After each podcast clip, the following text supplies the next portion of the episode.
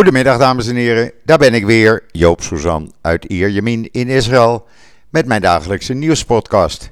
Ja, en vandaag, ik verheug me erop, ik ga zo meteen bellen met Joosje Asser in Amsterdam, dochter van uh, Eli Asser, de bekende schrijver, u, kent het, u weet het wel, uh, het schaap met de vijf poten, et cetera. Over zijn uh, boek wat zij herbewerkt heeft, ontsnapt uit het Apeldoornse bos. Uh, uit het voorgesprek uh, ja, ben ik al te weten gekomen dat het, uh, dit gaat een bijzonder interview worden. Maar dat zo dadelijk. Eerst even het weer in Israël. Want er zijn zoveel mensen die dat elke dag willen weten. Ik blijf het dan ook doorgeven. Ja, 37 graden, blauwe lucht.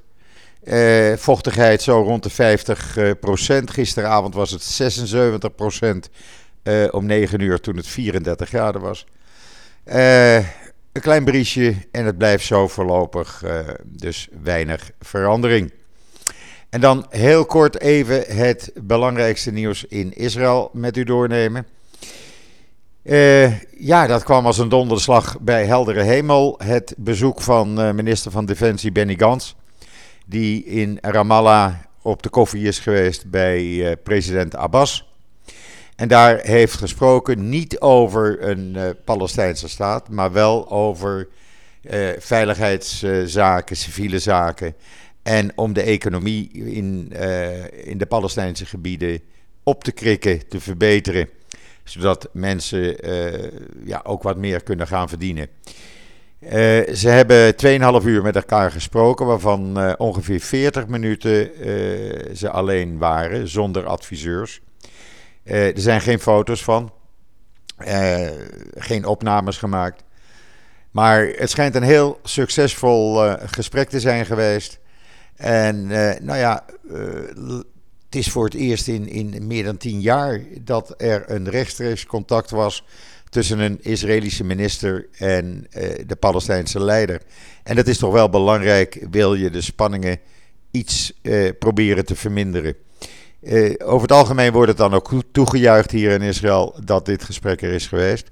Natuurlijk, uh, leden van de oppositie zijn erop tegen, zoals de Likud. Maar het is diezelfde uh, Likud-partij geweest die het toejuichte dat Netanyahu elf jaar geleden met Abbas sprak. Dus ja, dat ze tegen zijn, is alleen maar omdat ze tegen zijn. Laat ik het maar zo zeggen. En dan Even de coronabesmettingen in Israël. Nou, het neemt wat af. Eh, we hadden nu ruim 6500 besmettingen. U kunt het in detail lezen op uh, israelnieuws.nl natuurlijk. Um, wat zorgen baart is het feit dat het positiviteitspercentage blijft stijgen. Dat staat nu op 7,81 procent. En dat is natuurlijk wel veel. Uh, betekent dat ja, als je veel test, er steeds meer besmettingen zijn natuurlijk. Waar dat aan ligt, weet niemand. Um, vanaf vandaag trouwens wordt iedereen vanaf uh, leeftijd 12 jaar en ouder, uh, die krijgt een derde vaccinatie. En vanaf vrijdag 3 september uh, geldt voor terugkerende reizigers die driemaal zijn gevaccineerd dat ze niet meer zeven, uh, zeven dagen minimaal in quarantaine hoeven, maar maximaal 24 uur, totdat de uitslag van hun test bij aankomst op het vliegveld bekend is. Het uh, ministerie eh, van Volksgezondheid deelde wel mee dat het overgrote deel van de patiënten in ernstige of kritieke toestand niet is gevaccineerd. Ze lieten ook weten dat van de mensen die voor uh, drie keer zijn gevaccineerd, uh, er 187 in het ziekenhuis liggen. En u moet nagaan, er zijn 2,1 miljoen mensen uh, gevaccineerd voor de derde keer. Dat is ongeveer ja, 0,01 procent. en 88 van die mensen die, zijn er ernstig aan toe. Het werkt dus, het derde vaccin. En al die uh, onzin die op Twitter verschijnt over Israël, neem het met een korreltje zout. Ik heb vanmorgen uh, uiteindelijk maar de link van het officiële corona-dashboard in Israël op Twitter gezet. Daar staan de juiste cijfers, daar staan de juiste grafieken. En niet grafieken die mensen zelf in elkaar zetten. Eh, onder het eh, mom van eh, kijk eens wat er in Israël gebeurt met die derde vaccinatie. De WHO heeft namelijk ook inmiddels laten weten dat het geen luxe meer is, een derde vaccinatie, maar dringende noodzaak. En daarbij hebben ze vanmiddag aangegeven dat ze zich ernstig zorgen maken, de WHO, over de toename van het aantal besmettingen in uh, Europa. Komt er dus op neer dat binnenkort in Europa uh, ook begonnen gaat worden, of moet worden begonnen zelfs, met die derde vaccinatie. Ja, en voor de rest in Israël, uh, de scholen gaan woensdag open. De Onderwijsbond, uh, de bond dus van leraren, heeft al gezegd dat ze tegen het lesgeven zijn van leraren die niet gevaccineerd zijn. Dat is de Onderwijsbond zelf. Vanmiddag is er een spoedbijeenkomst van alle betrokken ministers onder leiding van uh, premier Bennett. Uh, over de laatste ontwikkelingen en om te kijken of alsnog op het laatste moment besloten zal worden om uh, de scholen niet op 1 september, maar 1 oktober te openen. Ik denk dat ze dat niet zullen doen. Inmiddels zijn er ruim 1 miljoen uh, thuistests ehm, verspreid onder de ouders van alle scholieren, zodat die kinderen thuis kunnen testen voordat ze naar school gaan. Dat moet een paar keer per week gebeuren. En dan ga ik nu proberen of ik contact kan krijgen met Joosje Asser. Ik verheug me erg op dat interview. Dus als u een ogenblikje geduld hebt, kom ik uh, met een uh, paar secondjes bij u terug. Nou, het is gelukt. Ik heb uh, aan de lijn Joosje Asser in Amsterdam. Goedemiddag Joosje, hoe is het? Uh, het is prima. Ja, wij zitten aan een uh, eettafel, zei je me net, hè? Dus niet ja. aan de keukentafel, we zitten samen gezellig aan jouw grote eettafel. Uh, ja. De reden dat, dat ik je bel, um, het gaat over het boek van je vader, Eli Asser. iedereen kent hem wel van het schaap met de vijf poten, om het zo maar even te zeggen. Uh, en dat boek uh, ontsnapt uit het Apeldoornse bos, uh, is opnieuw of wordt opnieuw deze week uitgegeven. Dat klopt? ja, dat klopt. Dat wil zeggen, het, het boek wordt ontsnapt uit het Apeldoornse bos.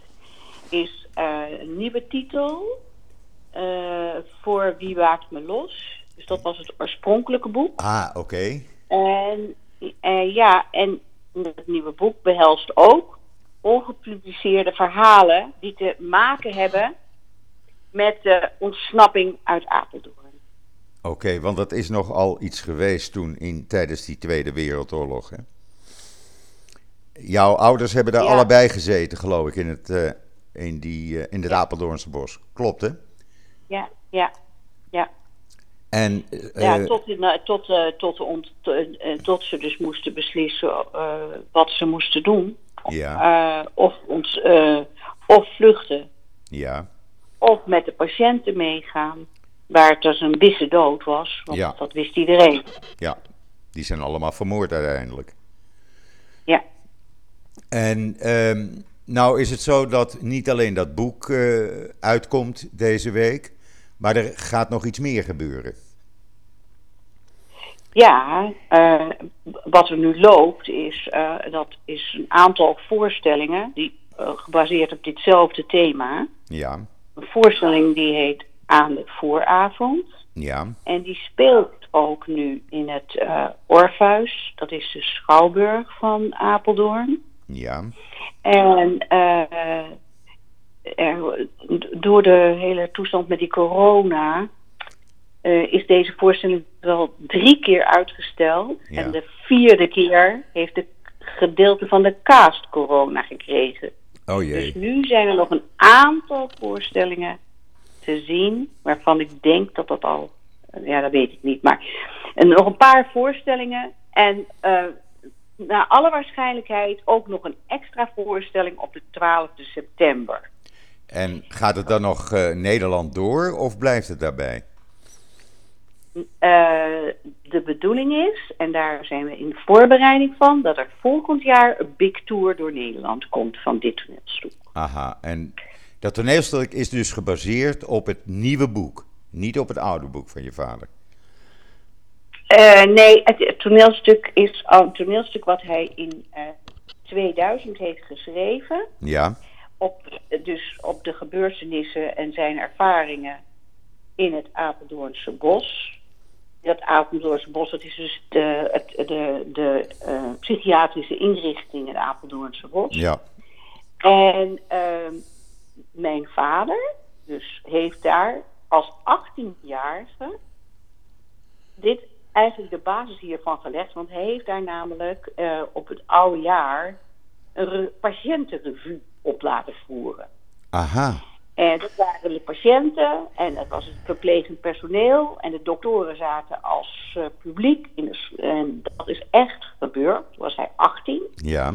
En dat hele toneelstuk wat het dus nu is, is gebaseerd op het toneelstuk, op, het, op de revue, zoals hij dat toen noemde. Op de revue die hij toen als 18-jarige heeft geschreven toen hij dus daar uh, ja, eigenlijk uh, uit nood ja. Psychiatrisch verpleger was in een psychiatrische inrichting. Ja, even voor alle duidelijkheid, het was een Joodse psychiatrische inrichting, hè? Ja. Ja. Ja, ik moet ook even bij vertellen, dat is misschien wel belangrijk. Uh, de mensen, mijn vader had een oproep gekregen voor de zogenaamde werkkampen. Ja. En de enige mogelijkheid om een sper te krijgen, dat betekent dus dat je dus uh, voorlopig nog hier uh, nuttig was, was om te vertrekken naar die psychiatrische inrichting. En dat heeft hij toen gedaan op voorwaarde dat mijn moeder daar ook zijn vriendinnetje van 18 uh, ook daar naartoe kon komen. Om te en werken. dat heeft hij toen geregeld, ja. Ook dus daarom uh, ze, ze, waren allebei natuurlijk heel, hadden helemaal geen link voor, of verbinding met de psychiatrie. Met de psychiatrie. Nee. Maar ze zijn dus allebei daar uiteindelijk wel terechtgekomen. Ik moet er ook nog één ding bij zeggen, zo voor het goede besef. Als je een sper had, dan betekende dat, leek het althans, en zo is het ook voor mijn vader geweest, dat hij zijn vader, moeder en zusje kon beschermen. Want dan, dat, dat uh, lieten ze hier weten dat dat eigenlijk het geval was. Ja, ja. blijkt dus dat helemaal niet uh, gebeurd is. Maar, uh, dus mijn ouders zaten dus inderdaad samen in de psychiatrische inrichting het Apeldoornse Bos. Waar alleen nog maar Joods personeel mocht zijn. Uh, waar heel dramatisch ook heel veel mensen dachten onder te kunnen duiken. Omdat ze dan veilig zouden zijn, want niemand dacht dat ze daar ze zouden zoeken. Laat staan dat ze daar uh, die mensen allemaal zouden deporteren. Dus daar zijn in die nacht van die ontruiming zijn uh, alle patiënten, maar ook een heleboel kinderen die daar dus door hun ouders waren ja, verstopt. Ondergedoken.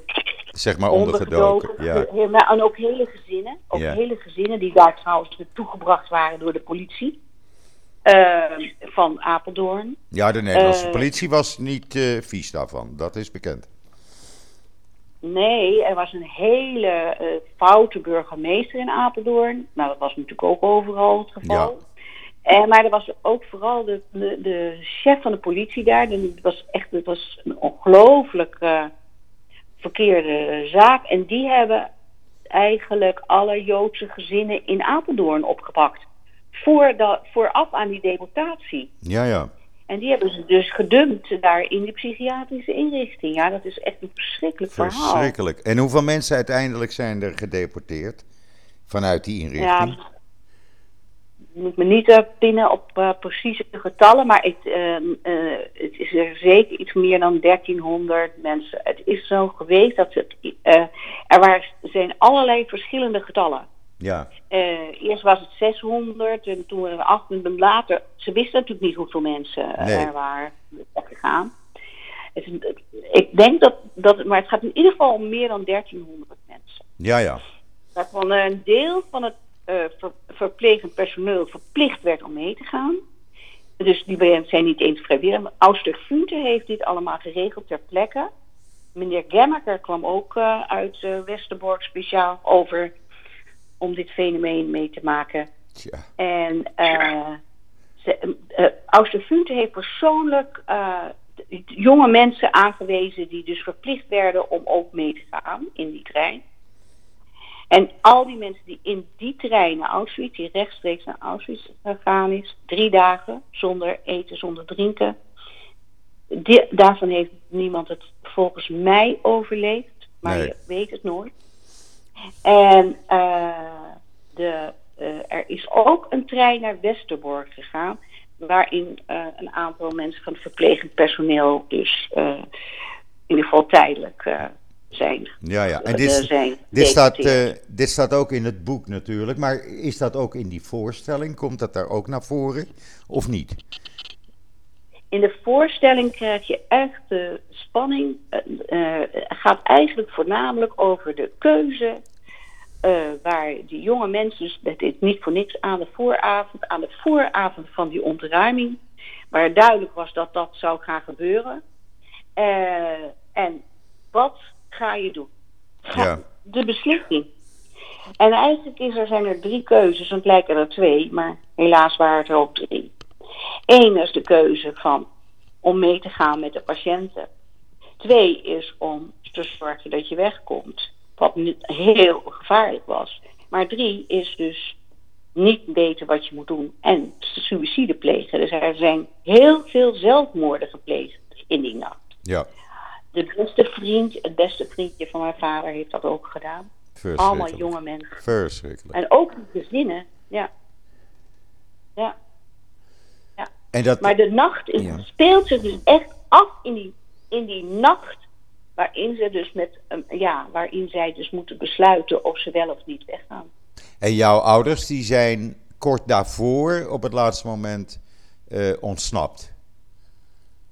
Die zijn eh, dus echt, eh, ja, tot op het allerlaatst vond mijn vader nog dat hij zijn plicht moest doen om zijn dienst af te maken en dat soort werk. Ja, En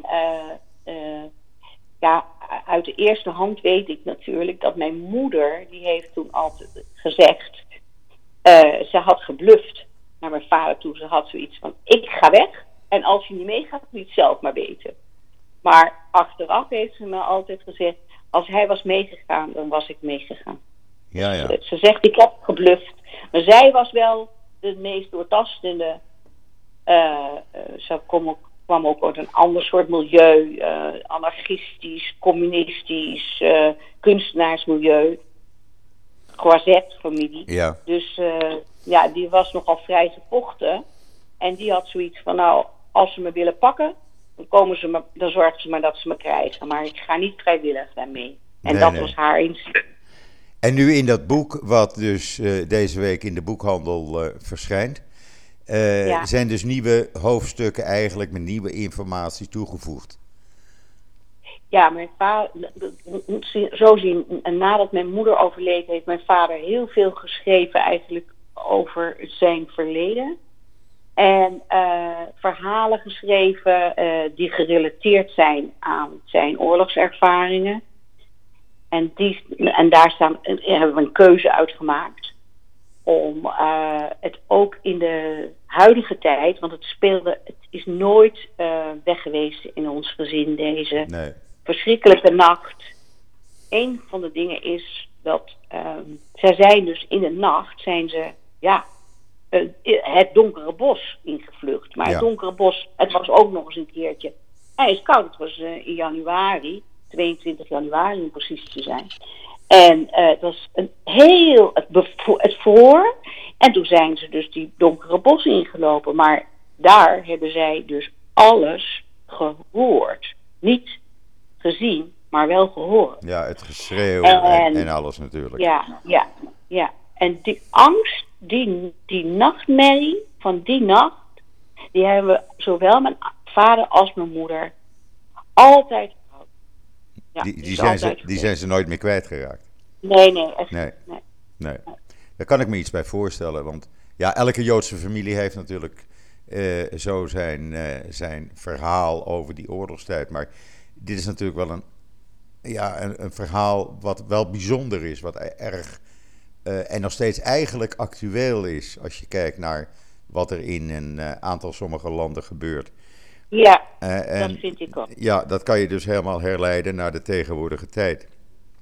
Dus eigenlijk, eh, ja, ik zou zeggen, koop dat boek en, en lees het verhaal en leer Eli Asser van een andere kant kennen als alleen maar eh, de schrijver van eh, humoristische eh, toneelstukken en, en, en Ja. televisiespelen.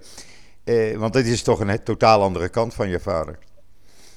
Nou ja, dat heeft hij, die heeft hij dus pas weer kunnen laten zien toen hij eh, een hartinfarct heeft gehad. En toen dacht hij van, als ik het nu niet doe, dan, dan gebeurt het nooit Ja. meer. En bovendien was zijn, eh, eh, om alles maar met humor te doen. Maar ik kan wel zeggen dat zowel het toneelstuk als het boek... Het, ehm, eh, ik, ik, ik mag het onbescheiden zeggen, maar ik denk dat Elie Asser wel de Woody Allen van Nederland is. Ja, Dus het is met een, met een traan, maar vooral met een lach. met een lach, ja. En, en dat zo eh, de weemoed, de pijn en Ja. ook de humor, je vindt het er allemaal. Heel bijzonder. Heel bijzonder. En er is nog iets eigenlijk, hè? en dat is eigenlijk voor de, voor de luisteraars eh, naar deze podcast in Israël. Want het toneelstuk eh, is de bedoeling, komt volgend jaar ook heel kort naar eh, Israël toe.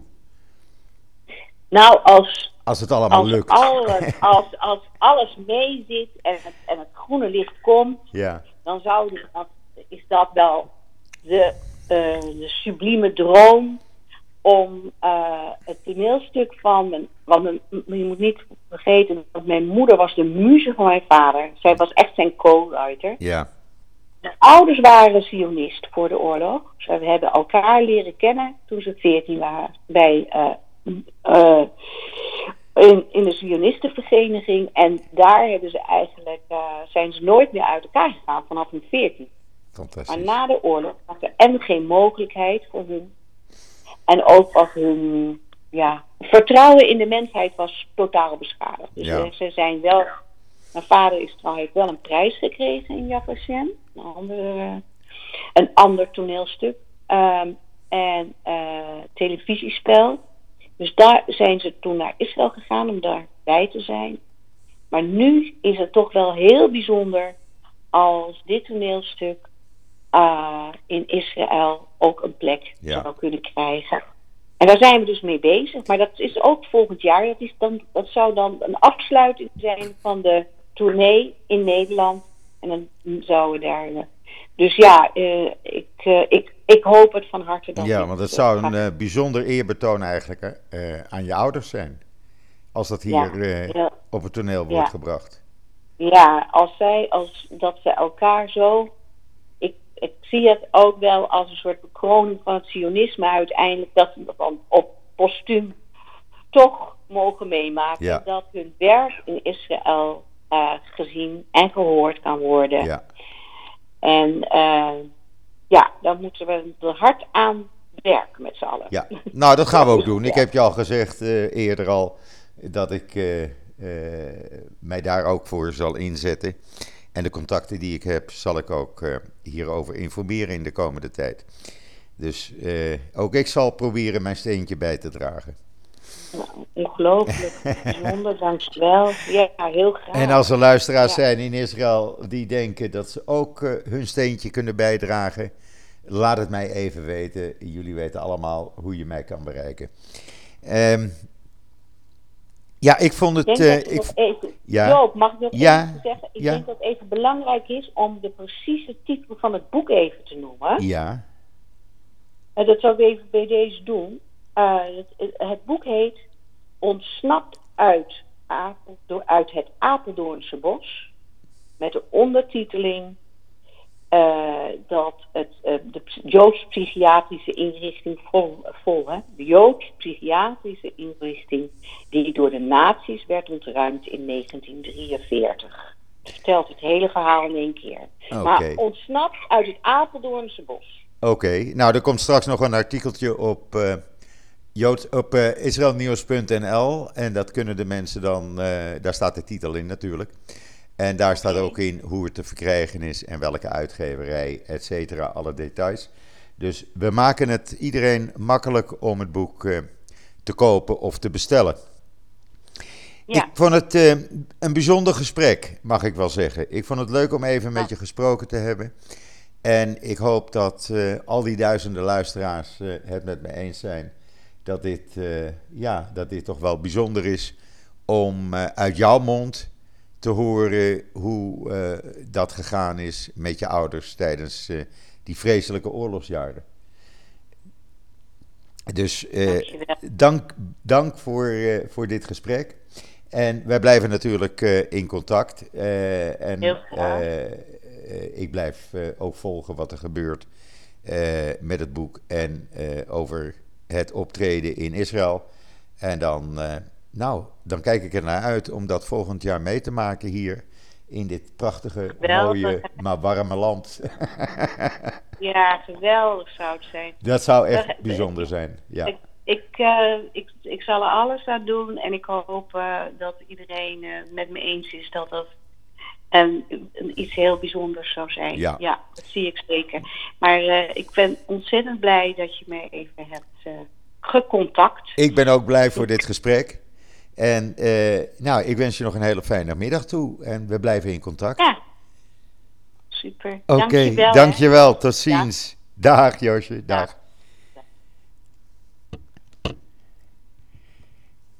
Ja, dit was uh, toch wel een bijzonder gesprek, om het zo even uh, te noemen. En daarop aansluitend kan ik eigenlijk zeggen dat er op Israël Nieuws ook een bijzonder artikel nu staat over de laatste brieven die mensen in de concentratiekampen aan hun kinderen, aan hun familie hebben geschreven voordat ze vergast werden. Uh, daar is een online tentoonstelling in Yad Vashem en u kunt dat via de link in het artikel op Israël Nieuws uh, kunt u dat uh, lezen en de beschrijvingen, de foto's zien. Uh, ook van Nederlandse Joden die brieven aan hun familie en kinderen schreven. kort voordat ze werden vergast door de nazi's. Brengt mij dit tot het einde van deze, ja, laat ik het nog maar een keer zeggen, toch wel bijzondere podcast. Ehm, rest mij u allemaal nog een hele fijne voortzetting van deze maandag, de 30 augustus, te wensen. En wat mij betreft, ik ben er morgen weer en zeg zoals altijd: tot ziens, tot morgen.